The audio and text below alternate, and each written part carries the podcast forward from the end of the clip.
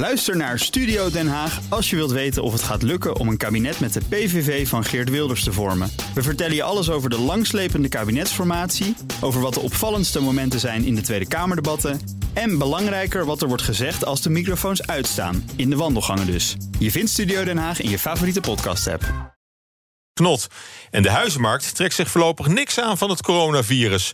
Hoe lang kan dat nog goed gaan? Ik ga het allemaal bespreken in het economenpanel met Marieke Blom, hoofdeconoom bij ING. Welkom. En hier ook eh, live eh, in de studio. Jawel. Net als Bas Jacobs, hoogleraar Economie en Overheidsfinanciën aan de Erasmus School of Economics. Ook hartelijk welkom. Ja, ik begin met de uitspraak van eh, Klaas Knot, de president van de Nederlandse Bank. Die heeft gezegd dat faillissementen meer kosten dan het in stand houden van de staatssteun. Uh, delen jullie die mening, Marieke?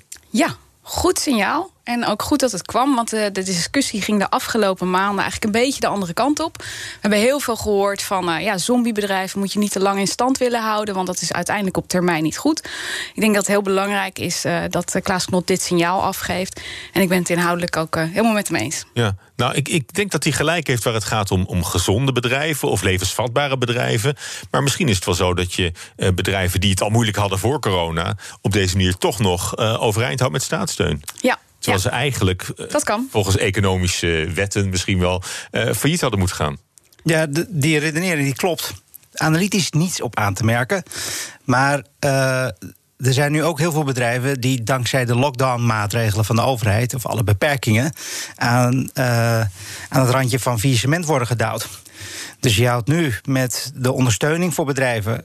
probeer dat te voorkomen. Maar de, de, onvermijdelijke prijs die je betaalt. is dat je een aantal bedrijven dat kapot had moeten gaan. ook in leven houdt. Nou, dat is de prijs die je betaalt voor het laten draaien van de economie. En die prijs is denk ik uh, veel kleiner dan de opbrengsten van het in leven houden van allerlei bedrijven die zonder corona volkomen levensvatbaar zijn. En ik vind het, nou ja, uh, volkomen met Marike eens, uh, volkomen bizar dat we de hele economie zouden gaan verbouwen. Mm -hmm. uh, allerlei bedrijven kapot laten gaan. Allerlei zelfstandigen die zonder inkomen komen te zitten. Onder de aanname dat we nu een structurele verandering in moeten gaan. Dat we naar een nieuw normaal moeten gaan. Uh, terwijl iedereen uiteindelijk terug wil naar het oude normaal.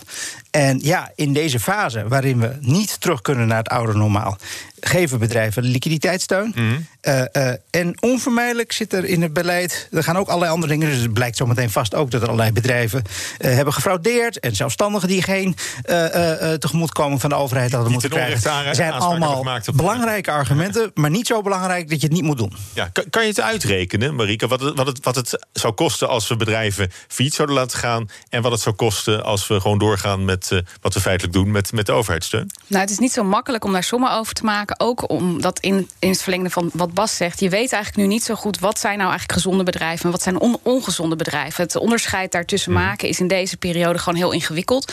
Want we hebben een combinatie van laagconjunctuur... die veroorzaakt is door de coronacrisis... en de directe gevolgen van het virus. Dus dat maakt het heel ingewikkeld. Maar je kunt wel twee voorbeelden geven... waarmee je een beetje gevoel kan krijgen van mm. hoe kan dat werken. Nou, neem nou een, een horecazaak... Uh, waarvan we misschien een beetje twijfelen of die door kan gaan of niet. En met steun komt die door deze periode heen.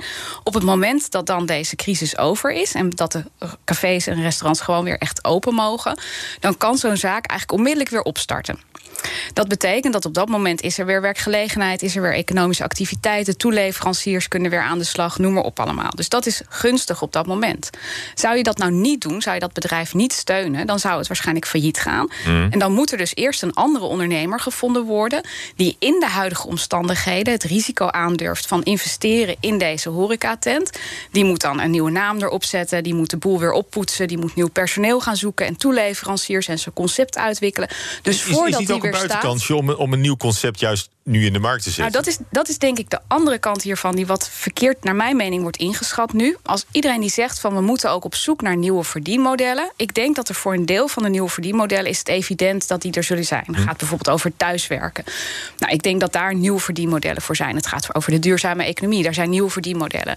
Maar als je wilt dat er grootscheeps geherorganiseerd moet gaan worden, dan moet je ook bedenken dat in laagconjunctuur het aantal mensen wat bereid is om ondernemersrisico te lopen en nieuwe grote bedrijven op te gaan starten, hè, dus daar geld voor durft te mm. lenen, risico voor durft te nemen, op het moment dat er echt laagconjunctuur is en je dus nergens vraag ziet, acht ik de kans ook niet zo groot dat zeg maar moet, uit moet het je wel heel veel let hebben als, als dus uit het faillissement van de een moet dan zeg maar eigenlijk het ondernemerschap van de ander weer ontstaan. En waar gaan we dan nu die ondernemers vinden? Mm. Dus ik denk dat er te weinig in dat redeneren rekening wordt gehouden met dat, ja, die vraaguitval, waar een potentiële nieuwe ondernemer nu gewoon mee te maken heeft. Waardoor die nieuwe activiteit helemaal niet zo snel op gang gaat komen als je misschien eigenlijk zou willen. Mm. Ja, maar je zou ook kunnen zeggen, eigenlijk smoor je misschien wel de innovatie of de toetreding van nieuwe bedrijven, zolang je oude bedrijven in stand laat die, uh, die, die plek bezet houden. Zeker, je herhaalt nu eigenlijk je eerste argument analytisch volkomen juist argument. Maar dat betekent niet dat, het belangrijk genoeg is om. Uh, uh, bedoel, die prijs accepteer je om de rest van de economie in leven te houden. En ik wil graag bij Marika aansluiten uh, dat de, de kostprijs van het grootschalig verbouwen van je hele economie aan de anderhalve meter bijvoorbeeld, die is gigantisch.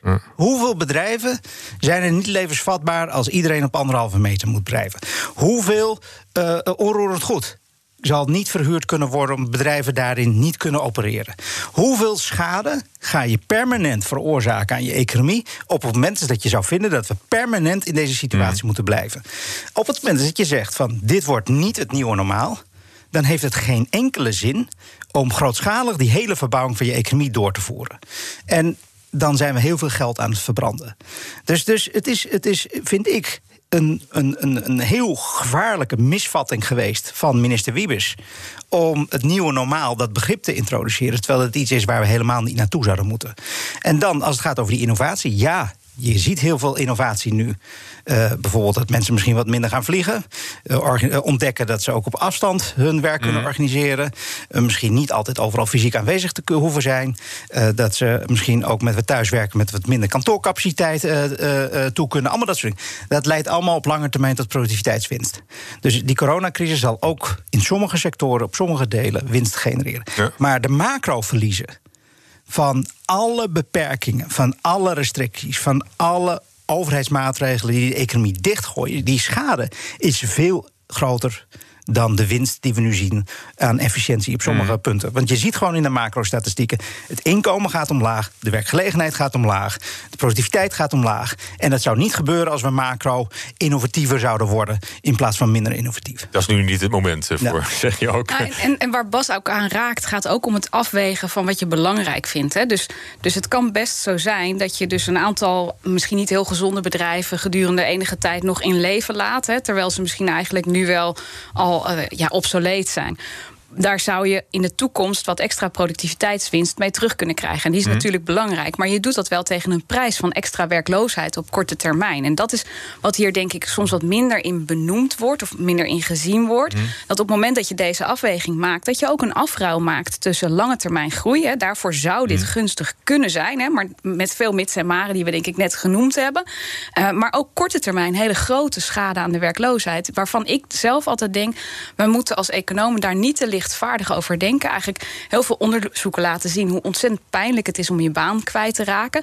En dat de, dat de, zeg maar de, de welbevinden effecten daarvan ontzettend groot zijn en lang bij mensen blijven. Dus dat moeten we denk ik ook meewegen. Ja. En die lange termijn dat, dat, dat, je een, een soort natuurlijke selectie of een soort zuiveringsmechanisme in de economie daarvoor, uh, daarvoor opgeeft. Het is nu de derde keer, dan moet je ophouden. Waar. Ik wil horen zeggen dat.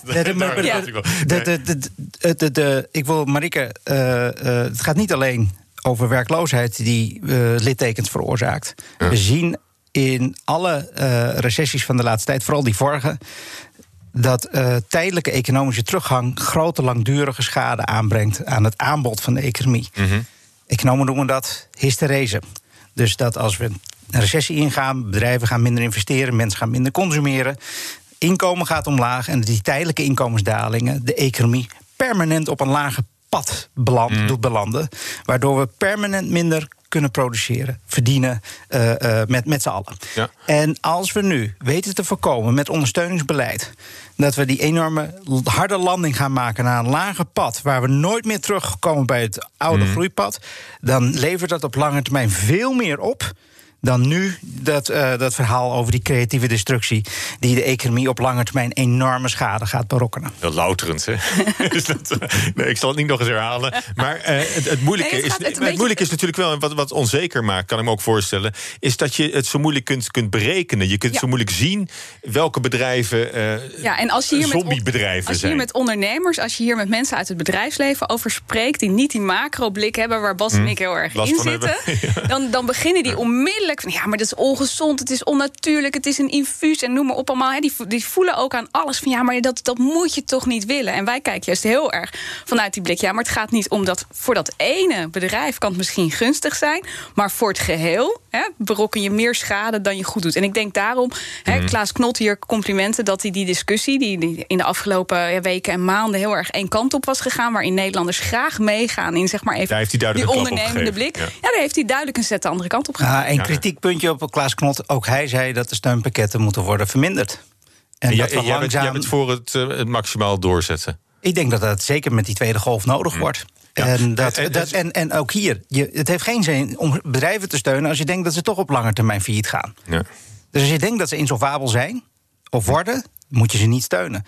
Maar als je denkt dat het een tijdelijk probleem is waar we op een gegeven moment uitkomen, als je denkt dat corona niet leidt tot een nieuw normaal, maar terugkeert naar het oude normaal, dan is het zeer zinvol om die steunpakketten door te zetten. Als we één niveau hoger gaan, hè, want we zaten nu op bedrijfsniveau vooral, als je naar sectoren kijkt, hè, er zijn bepaalde sectoren, horeca, luchtvaart, cultuur, die worden extra hard geraakt, juist ook door deze tweede lockdown. Uh, is, er, is er nog extra, uh, ja, is er extra steun nodig om juist deze sectoren op de been te houden, Bas? Nou, horeca, ik vond het voorbeeld van Marieke niet helemaal gelukkig. Want horeca, dat is natuurlijk een erg finaal product. Mm.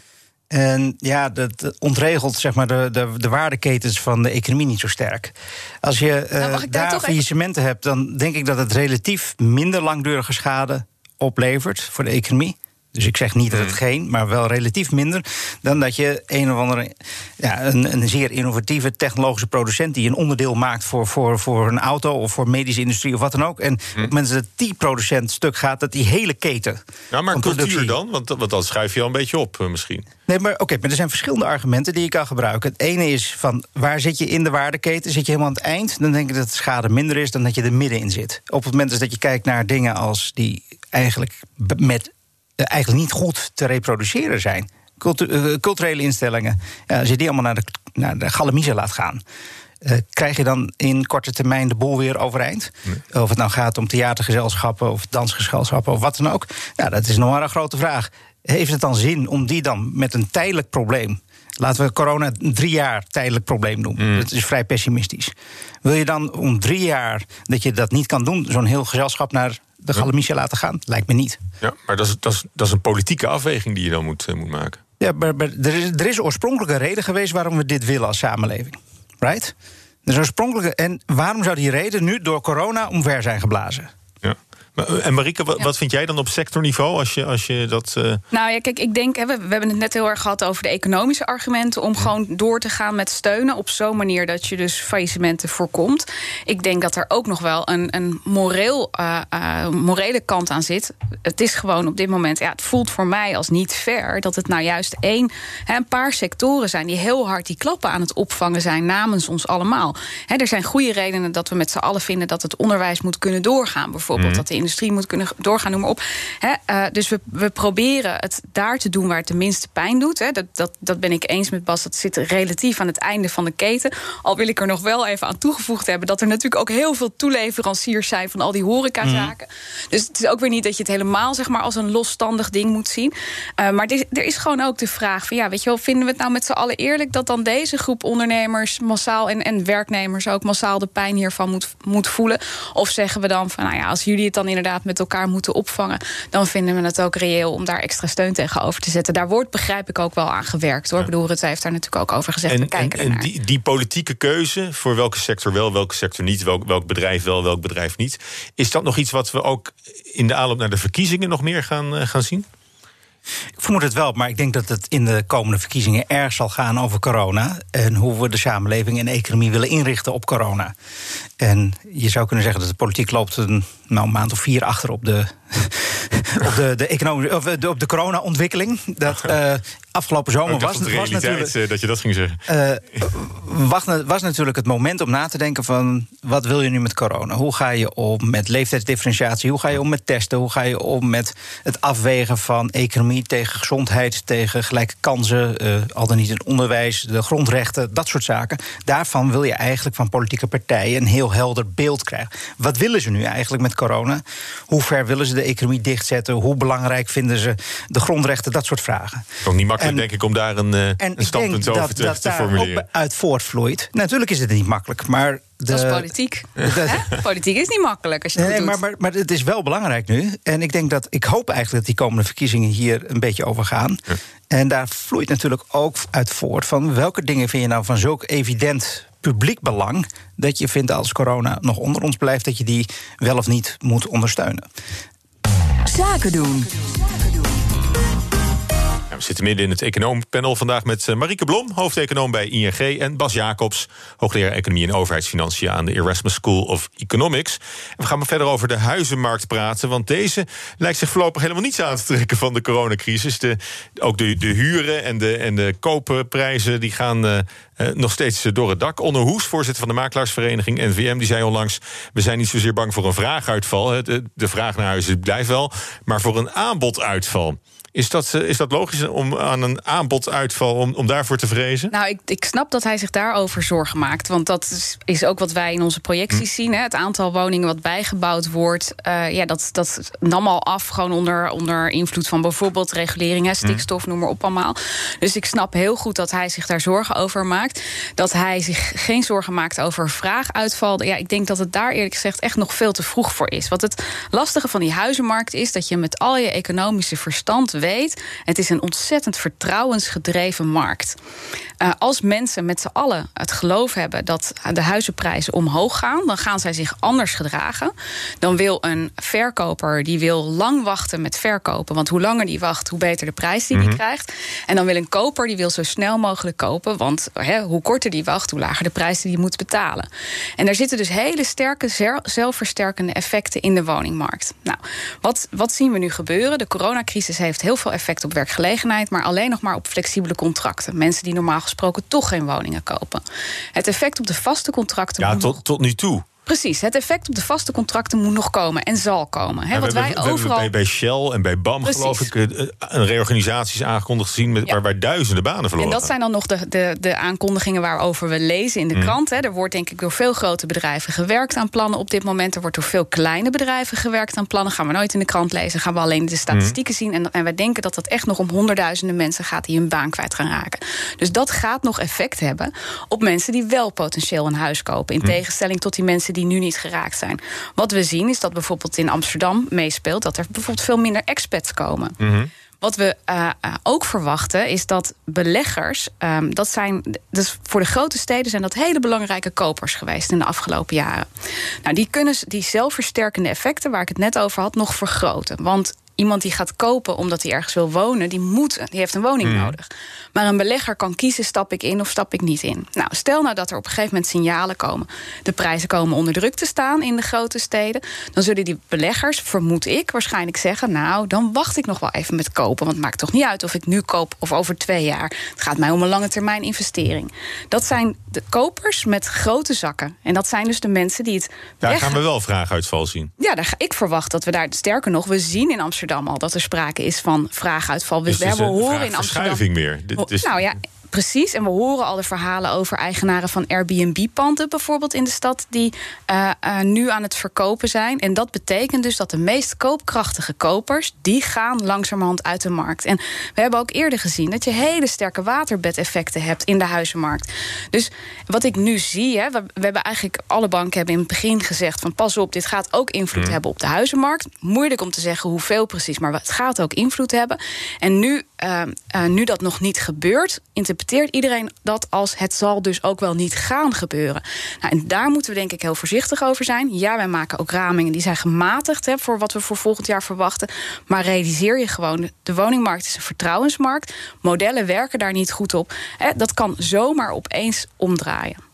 En, dan, en de, de trigger daarvoor kan zijn als mensen hun banen gaan verliezen. Bijvoorbeeld. Of je ziet mensen in je omgeving hun baan verliezen. Dan hoef je nog niet eens bang te zijn voor je eigen baan, maar dan wordt toch het vertrouwen aangetast. Beleggers die uitstappen, uh, Airbnb wat niet meer meeweegt voor potentiële kopers. Uh, misschien dus ook beleggers die uitstappen, die weer gaan hm. verkopen.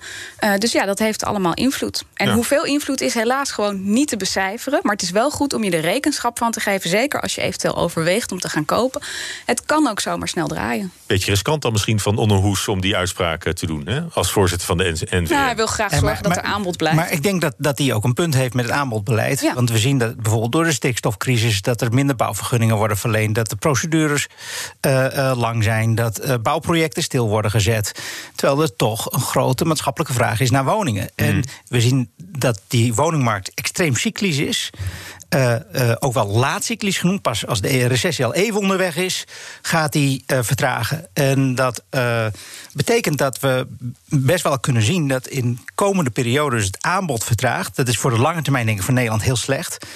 Uh, en Marieke maakte terecht de opmerking over werkloosheid. Ik denk dat ook bedrijfsfaillissementen dingen gaan veroorzaken in het, zeg maar het, uh, het vastgoedsegment van de. Van, maar van de, zal dat schoksgewijs zijn, die veranderingen? Of, of ja, maar het bedoel, net, net, zo, net zo goed als mensen met uh, vaste banen die baan nog hielden door het steunbeleid van de overheid, zo zullen er ook heel veel bedrijven in leven blijven door het steunbeleid van de overheid. Maar mochten ze over de kop gaan, komt er toch ook een probleem op de vastgoedmarkt. Hm. ook met gerelateerde financiers.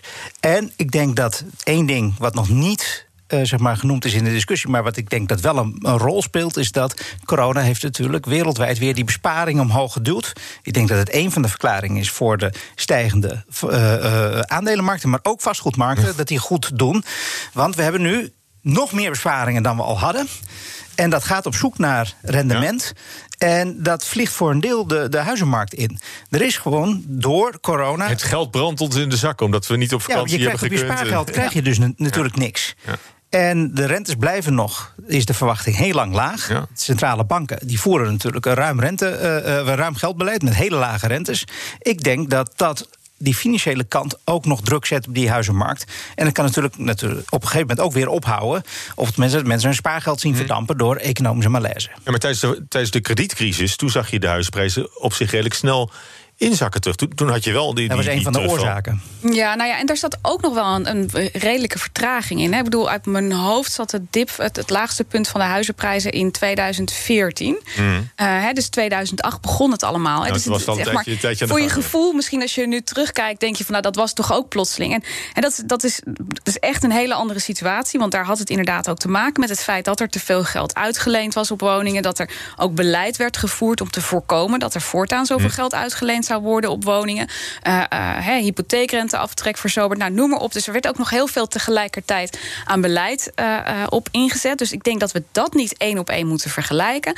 Ik wil ook niet zeggen, we, we, moeten echt met huizenprijsvoorspellingen altijd heel erg voorzichtig zijn. Maar het is gewoon niet. Je moet er ook nog steeds rekening mee houden dat het anders kan hm. worden. En ik vind dat vooral belangrijk om dat te zeggen die, tegen mensen die overwegen te kopen. We horen nog steeds dat mensen kopen en eigenlijk heel gespannen ook aan het overbieden zijn. Nou, zeker als je dat doet in combinatie met toch mogelijk onzekerheid over je werk, dan denk ik, nou, denk nog even na. Ja, maar toen heeft het een aantal jaren geduurd voor het uh, zover was. Is dat, is dat nu weer uh, de, verwachting?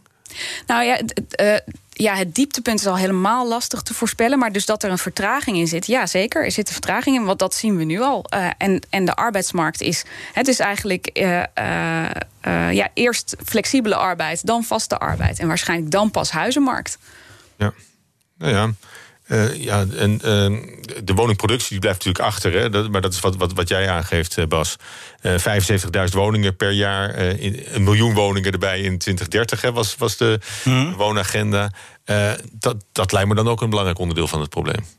Nou, gewoon die zorgen ervoor dat de huizenprijzen hoog blijven. Ja. Dus minder aanbod creëert hogere huizenprijzen. Dus als er meer gebouwd zou worden, zouden de prijzen minder hard stijgen. Ja. ik denk dat het een lange termijn vraagstuk is.